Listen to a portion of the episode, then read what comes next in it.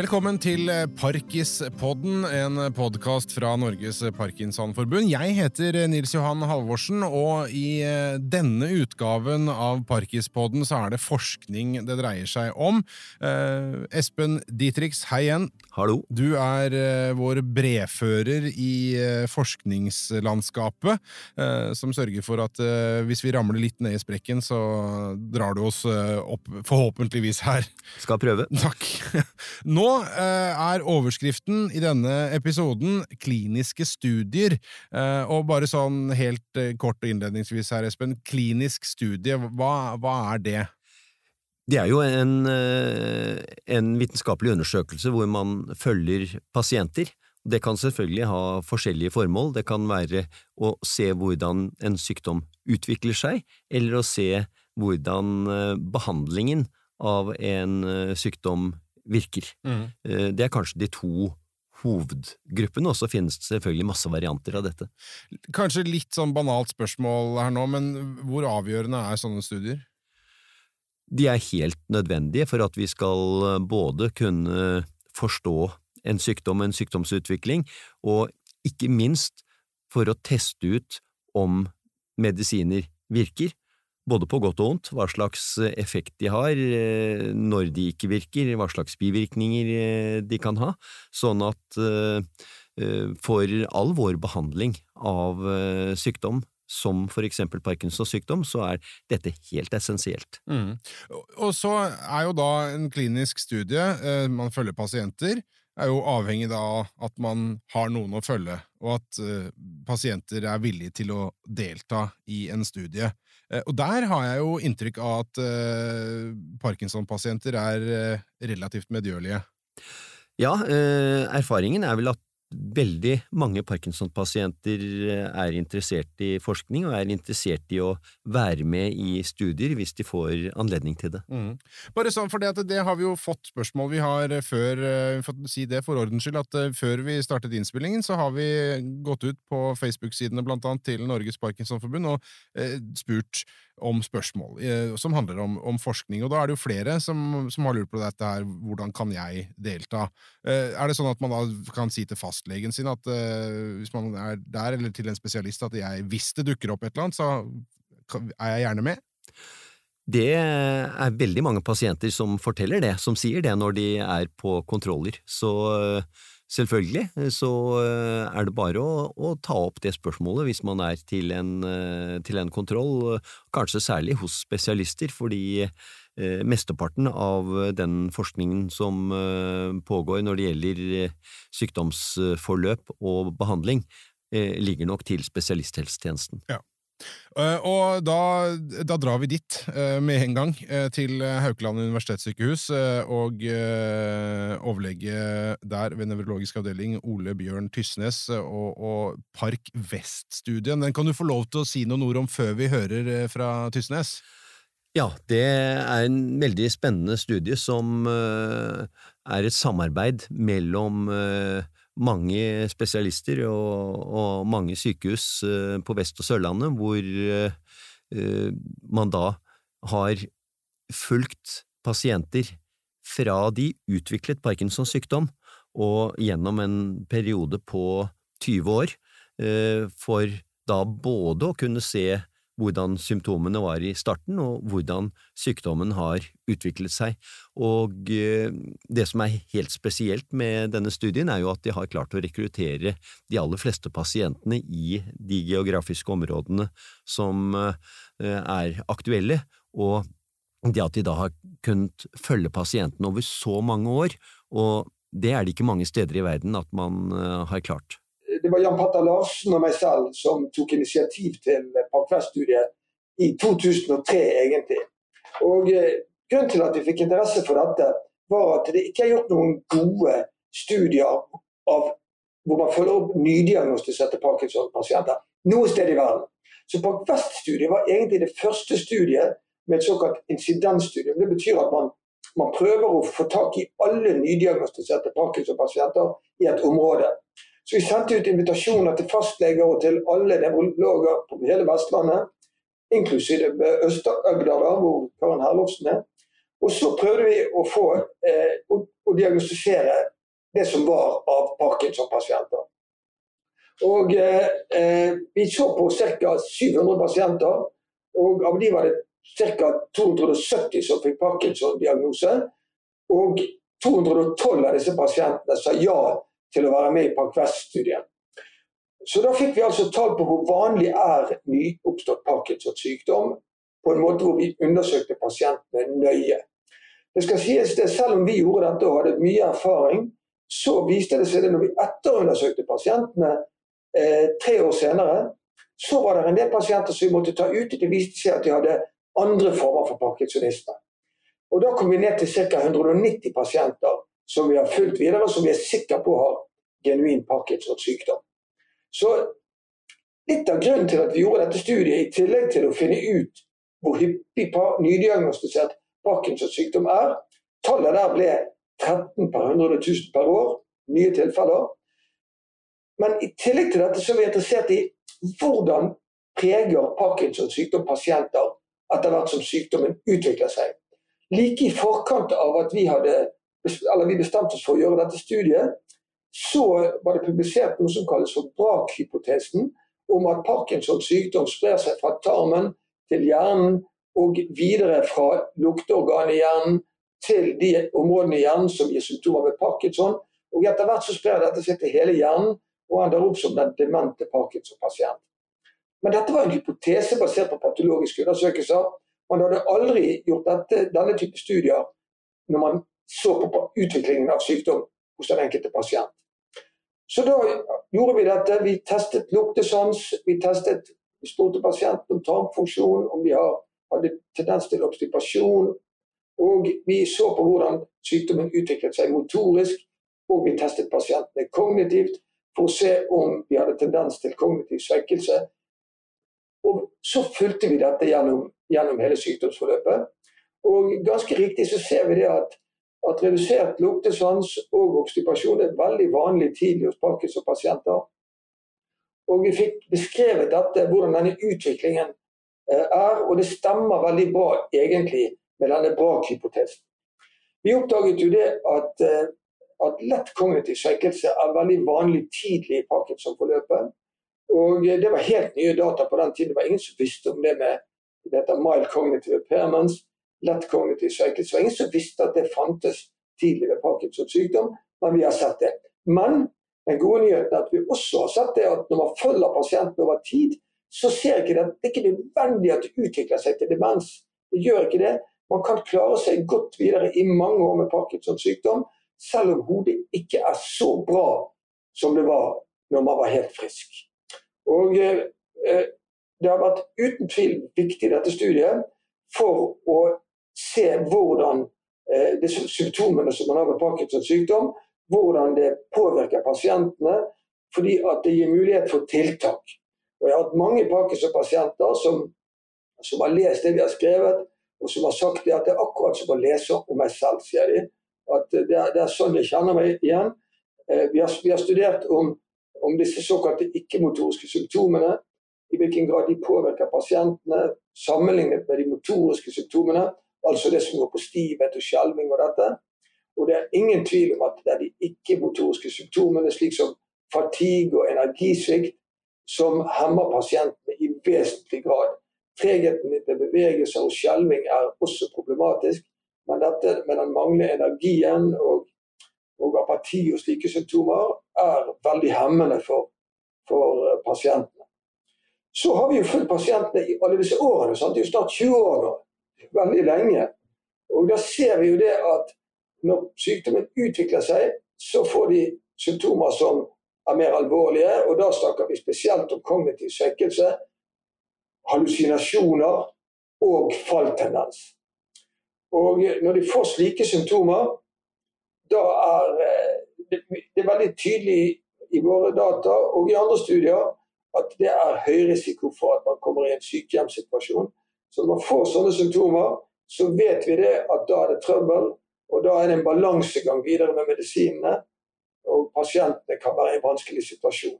Dette vil jo være fortvilet for, pasient, fortvilet for pasientene, men likevel er det viktig kunnskap Fordi at For oss som håndterer pasienten, så vet vi at vi må, vi må komme inn med andre tiltak når man kommer i en slik situasjon. Og pasientene vil jo også ha kunnskapsbasert eh, tilnærming til sin sykdom. Så Park-Vest-studiet har vært veldig viktig for disse kliniske tingene. Ole Bjørn Tysnes eh, om, eh, om Park Vest-studien. Og, det jeg på en måte sitter igjen med her, er jo sånn at eh, selv om det er positivt eller negativt, så er all viten godt. All viten er godt, og dette er jo viten som er veldig viktig. Hvordan en sykdom faktisk forløper over år etter år etter år hos de samme pasientene, sånn at uh, det er et veldig flott materiale de har klart å samle i Park-Vest-studien. Mm. Skal vi bare gå videre til, eh, til neste studien som vi skal eh, snakke om? Da fortsetter vi å være i, i Bergen og på Haukeland. Vi skal høre fra Haralambos solis, eller Haris populært kalt. Ja, og eh, mens eh, Park Vest-studien jo eh, er en kartlegging av sykdom, symptomer og sykdomsutvikling, så skal vi nå gå til den andre hovedtypen av klinisk forskning, hvor man er interessert i behandling og utprøving av potensielle nye medikamenter. Nevrosysmed det er et NFR-finansiert senter. NFR forkortelsen for Norges forskningsråd Eh, eh, som eh, begynte startet i 2019, i oktober 2019. Og det er et eh, forskningssenter for klinisk behandling i nevrologi. Hva vil det si? Det vil si det er et stort nasjonalt senter som har som mål å drive klinisk forskning, dvs. Si utprøvingsstudier, eh, forskning som tester nye medikamenter for eh, fire store sykdomsgrupper i nevrologi. Parkinsons sykdom, demens, ALS og multiple sklerose. Mm. Innenfor Parkinson for eksempel, har vi flere eh, slike kliniske studier. Vi har en studie som heter STRAT-park. og Det er en eh, studie som har som mål å forstå hvordan Parkinson utvikler seg. Og det har som mål å dele opp Parkinsons sykdom i undergrupper. Hvorfor ønsker vi å gjøre det? Ikke bare fordi det er interessant, men fordi at både vi og flere utenlandske eh, forskere i feltet mener at det kan være nøkkelen for å finne en kur for parkinson. Rett og slett fordi at all evidens per i dag tyder på at parkinson ikke er én tilstand, men mange. Og eh, dere ser for dere problemet her at når man tester et medikament mot parkinson, og antar at den gruppen pasientene som må ta det medikamentet, har samme sykdom, men hva skjer hvis de ikke har samme sykdom? Hva skjer hvis den gruppen med 100 mennesker egentlig består av små grupper av ti mennesker hver som har ti forskjellige sykdommer? Da kommer man ikke til å finne en god effekt av behandlingen, selv hvis behandlingen har faktisk virket på én av de ti undergruppene. Så målet med dette prosjektet er å dele opp Parkinsons sykdom i undergrupper, subtyper av sykdom, Eh, slik at i fremtiden vil det ikke bare være det at du får en diagnose Parkinsons sykdom, men i tillegg via tester, biologiske tester som vi forsøker å utvikle nå, skal man kunne da undergruppere og si at du har Parkinson type A eller type B eller type C, eller hva enn vi kommer til å kalle de typene. Vi vet ikke ennå. Det er det ene. Det andre, som kanskje er den mest populære eh, studien vi har, er en eller flere studier der vi tester en ny behandling mot Parkinson og det er en behandling som eh, heter eh, nikotinamid ribosid, NR. Eh, og hva er dette stoffet? Det er et stoff som når man spiser det, så fører det til en økning i et annet stoff som heter NAD. NAD. Det var den siste forkortelsen jeg skal nevne i dag. Men det er en viktig forkortelse. For NAD er et stoff som er vesentlig for livet, det finnes i alle celler, i alt liv. Og tilsvarende, det finnes ingen liv uten NAD. Og NAD, det den gjør, er at den eh, er nødvendig for at cellene våre skal kunne eh, eh, omdanne energi. Dvs. Si konvertere matstoffene som vi spiser, til biologisk energi som er nødvendig for cellene våre for at det skal fungere. I tillegg er det nødvendig for å beskytte vårt arvestoff, vår DNA. Når vi blir eldre, så får eller samles det skade i vårt arvestoff, og det er en av årsakene til aldring. At vårt arvestoff, som inneholder da blueprinten eller instruksen om hvordan cellene våre skal bygges, den blir dårligere med alder. NAD-stoffet det hjelper med å reparere og ordne DNA-en vår. Eh, så det er et viktig stoff, og det vi gjør i denne studien, er at vi gir en veldig stor mengde NAD til mennesker med parkinson, i håp av at dette vil eh, gjøre to ting. Det ene å bremse ned nevrontap, altså å bremse ned eh, tap av nervecellene. Og det vil si å forsinke sykdomsutviklingen. Og to, å gjøre de nervecellene som er igjen, skal fungere bedre. Og det vil si da å gjøre pasientene bedre og gi dem da en, en, en, en symptomreduksjon, eller mindre symptomer. En bedring av symptomer. Det var Harlambo Harlambos Solis uh, om nevrosysmed, og, og på tampen her så, så, snakker han om dette her med å teste ut nye typer medikamenter, og det er jo kanskje den, den delen av medisinsk testning som man kanskje først kommer på. At man skal ja, prøve det her og se hva som skjer. Ja, uh, det, akkurat det forsøket han har beskrevet nå, det er jo litt spesielt, for der er det jo spørsmål om man har en måte å kunne bremse sykdomsutviklingen på, eh, som han forklarte en av det som er et eh, viktig stoff i kroppen for å formidle energi til cellene, som cellene lever, krever for å leve og for å fungere. Eh, og spørsmålet er jo da kan man bremse sykdomsutviklingen med parkinson. Problemet med parkinson er jo at sykdommen starter mange, mange år før Eh, symptomene starter, og før diagnosen kan stilles, sånn at eh, hvis man skal få en bremsemedisin både for å beskytte de cellene som er der, og, og kanskje eh, bedre funksjonen i de gjenværende cellene, så er det viktig å komme veldig tidlig til med behandlingen. Sånn at uh, dette forsøket hos Nevrosysmed er jo å prøve å komme til tidlig i sykdommen, rett etter diagnosen. Eh, enda bedre vil det kanskje være hvis man eh, kan klare å identifisere de pasientene som eh, er i ferd med å utvikle sykdommen, og kunne teste ut på dem. Men uansett veldig spennende prosjekt. Mm. Eh, så skal vi gå videre til eh, På tampen her av denne episoden eh, om kliniske studier, så skal vi til en, en form for studie som overhodet ikke er klinisk. Her er det mer statistikere som sitter og holder på. Ja, vi snakker jo også om epidemiologiske studier, studier hvor man ser på forekomsten av en sykdom. Og Akkurat når det gjelder Parkinsons sykdom, så er det jo ganske interessant, fordi eh, vi har egentlig ikke visst, og vet fortsatt ikke helt presis, hvor hyppig Parkinsons sykdom er i Norge, og i den anledning så er det jo interessant med eh, nye tall fra reseptregisteret og, og fra eh, Helseatlaset, som vi skal høre her. Bård eh, Uleberg, eh, Senter for klinisk dokumentasjon og evaluering eh, lager Helseatlaset, som eh, Nå skal jeg bare for ordens skyld her lese fra det som står på nettsiden om Helseatlas.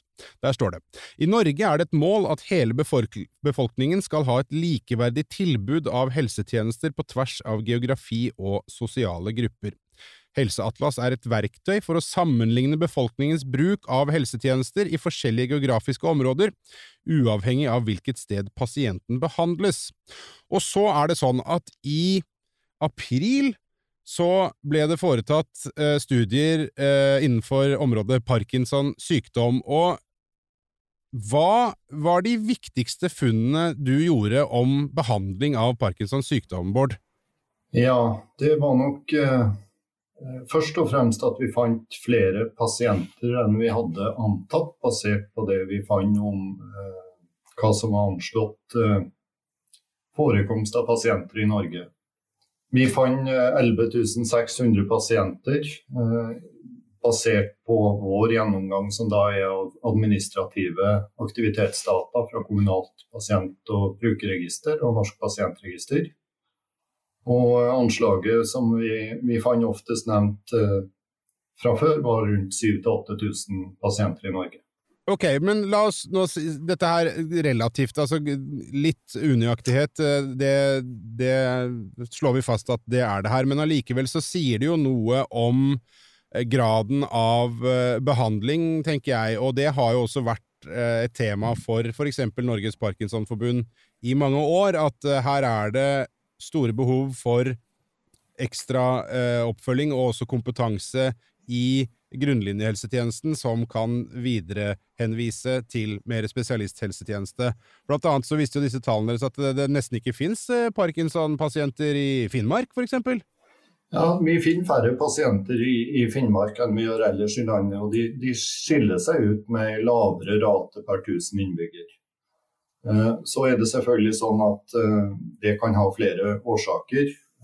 Det kan jo være ulik sykelighet, men vi syns at det var såpass påfallende stor forskjell eh, sammenligna med, med, majoriteten og de andre geografiske områdene vi har sett på, at vi, vi stussa litt på det. Og Vi vet jo at Finnmark har litt begrensa nevrologkapasitet, og har reist spørsmål ved om, om det kan være en utfordring i, i utrednings- og diagnostiseringstilbudet i Finnmark her hører vi jo noe interessant fra, fra Bård Uleberg i, i Helseatlaset. Eh, for dette, dette, antallet Nå sier han at det er en del usikkerhet knyttet til det, men, men hva har det å si, da? At f.eks. for eksempel er 12 eller 11 000-12 000 istedenfor 8 Ja, det forteller oss jo eh, at det er en mer hyppig sykdom. Det er interessant kunnskap i seg selv hvor hyppig forekomsten av en sykdom er. Eh, et av de problemene vi har ved Parkinsons sykdom, det er jo at symptomene symptomene, veldig karakteristiske, det er bevegelsesvansker, hvor det er vanskelig med å starte bevegelser, og bevegelser er langsomme, uh, i tillegg til at man får stivhet i musklene og kanskje skjelving i hvile. Men den, disse symptomene, som vi kaller parkinsonisme, de er ikke bare til stede ved ekte Parkinsons sykdom. Vi har noen sjeldne former som vi kaller atypisk parkinsonisme. Den eh, vanligste heter kanskje multisystematrofi, eller MSA, men vi har da en gruppe sykdommer som ligner så mye på Parkinsons sykdom at det i praksis er nesten umulig å skille sykdommene fra hverandre helt i starten.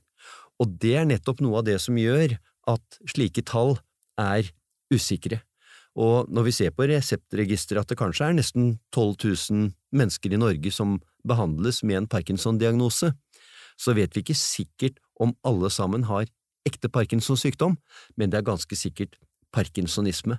Og mest sannsynlig så er det jo, vi hørte jo også at uh, sannsynligvis er det for få i Finnmark som har diagnosen, så kanskje, uh, kanskje er tallet av pasienter med parkinsonisme i Norge over 12 000, kanskje er tallet på de som har ekte Parkinsons sykdom litt under 12 000, men uansett så vet vi nå at Parkinsons sykdom er mye hyppigere i Norge enn det vi trodde for bare et år siden. Mm. Men, men, tenk hvis da kan det være sånn at for eksempel i Finnmark, da, at det er noe si, vann eller lufta som gjør at det faktisk ikke er så mange der.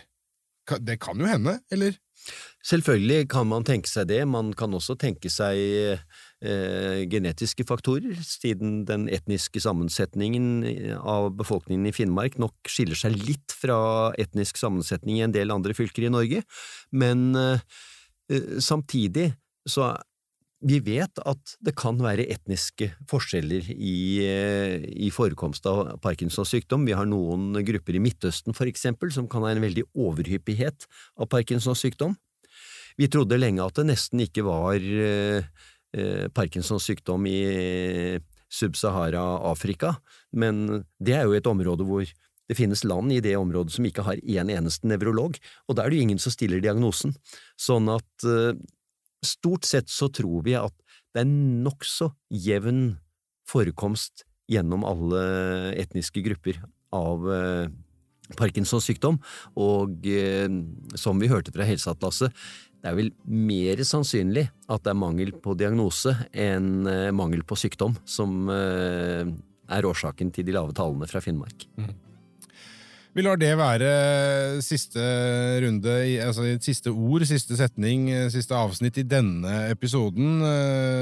Espen Dittrix, takk igjen.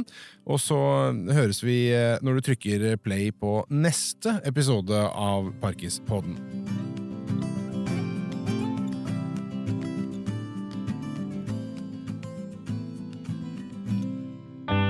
Denne podkasten er produsert av Tid og List. For Norges Parkinsonforbund med støtte fra stiftelsen DAM.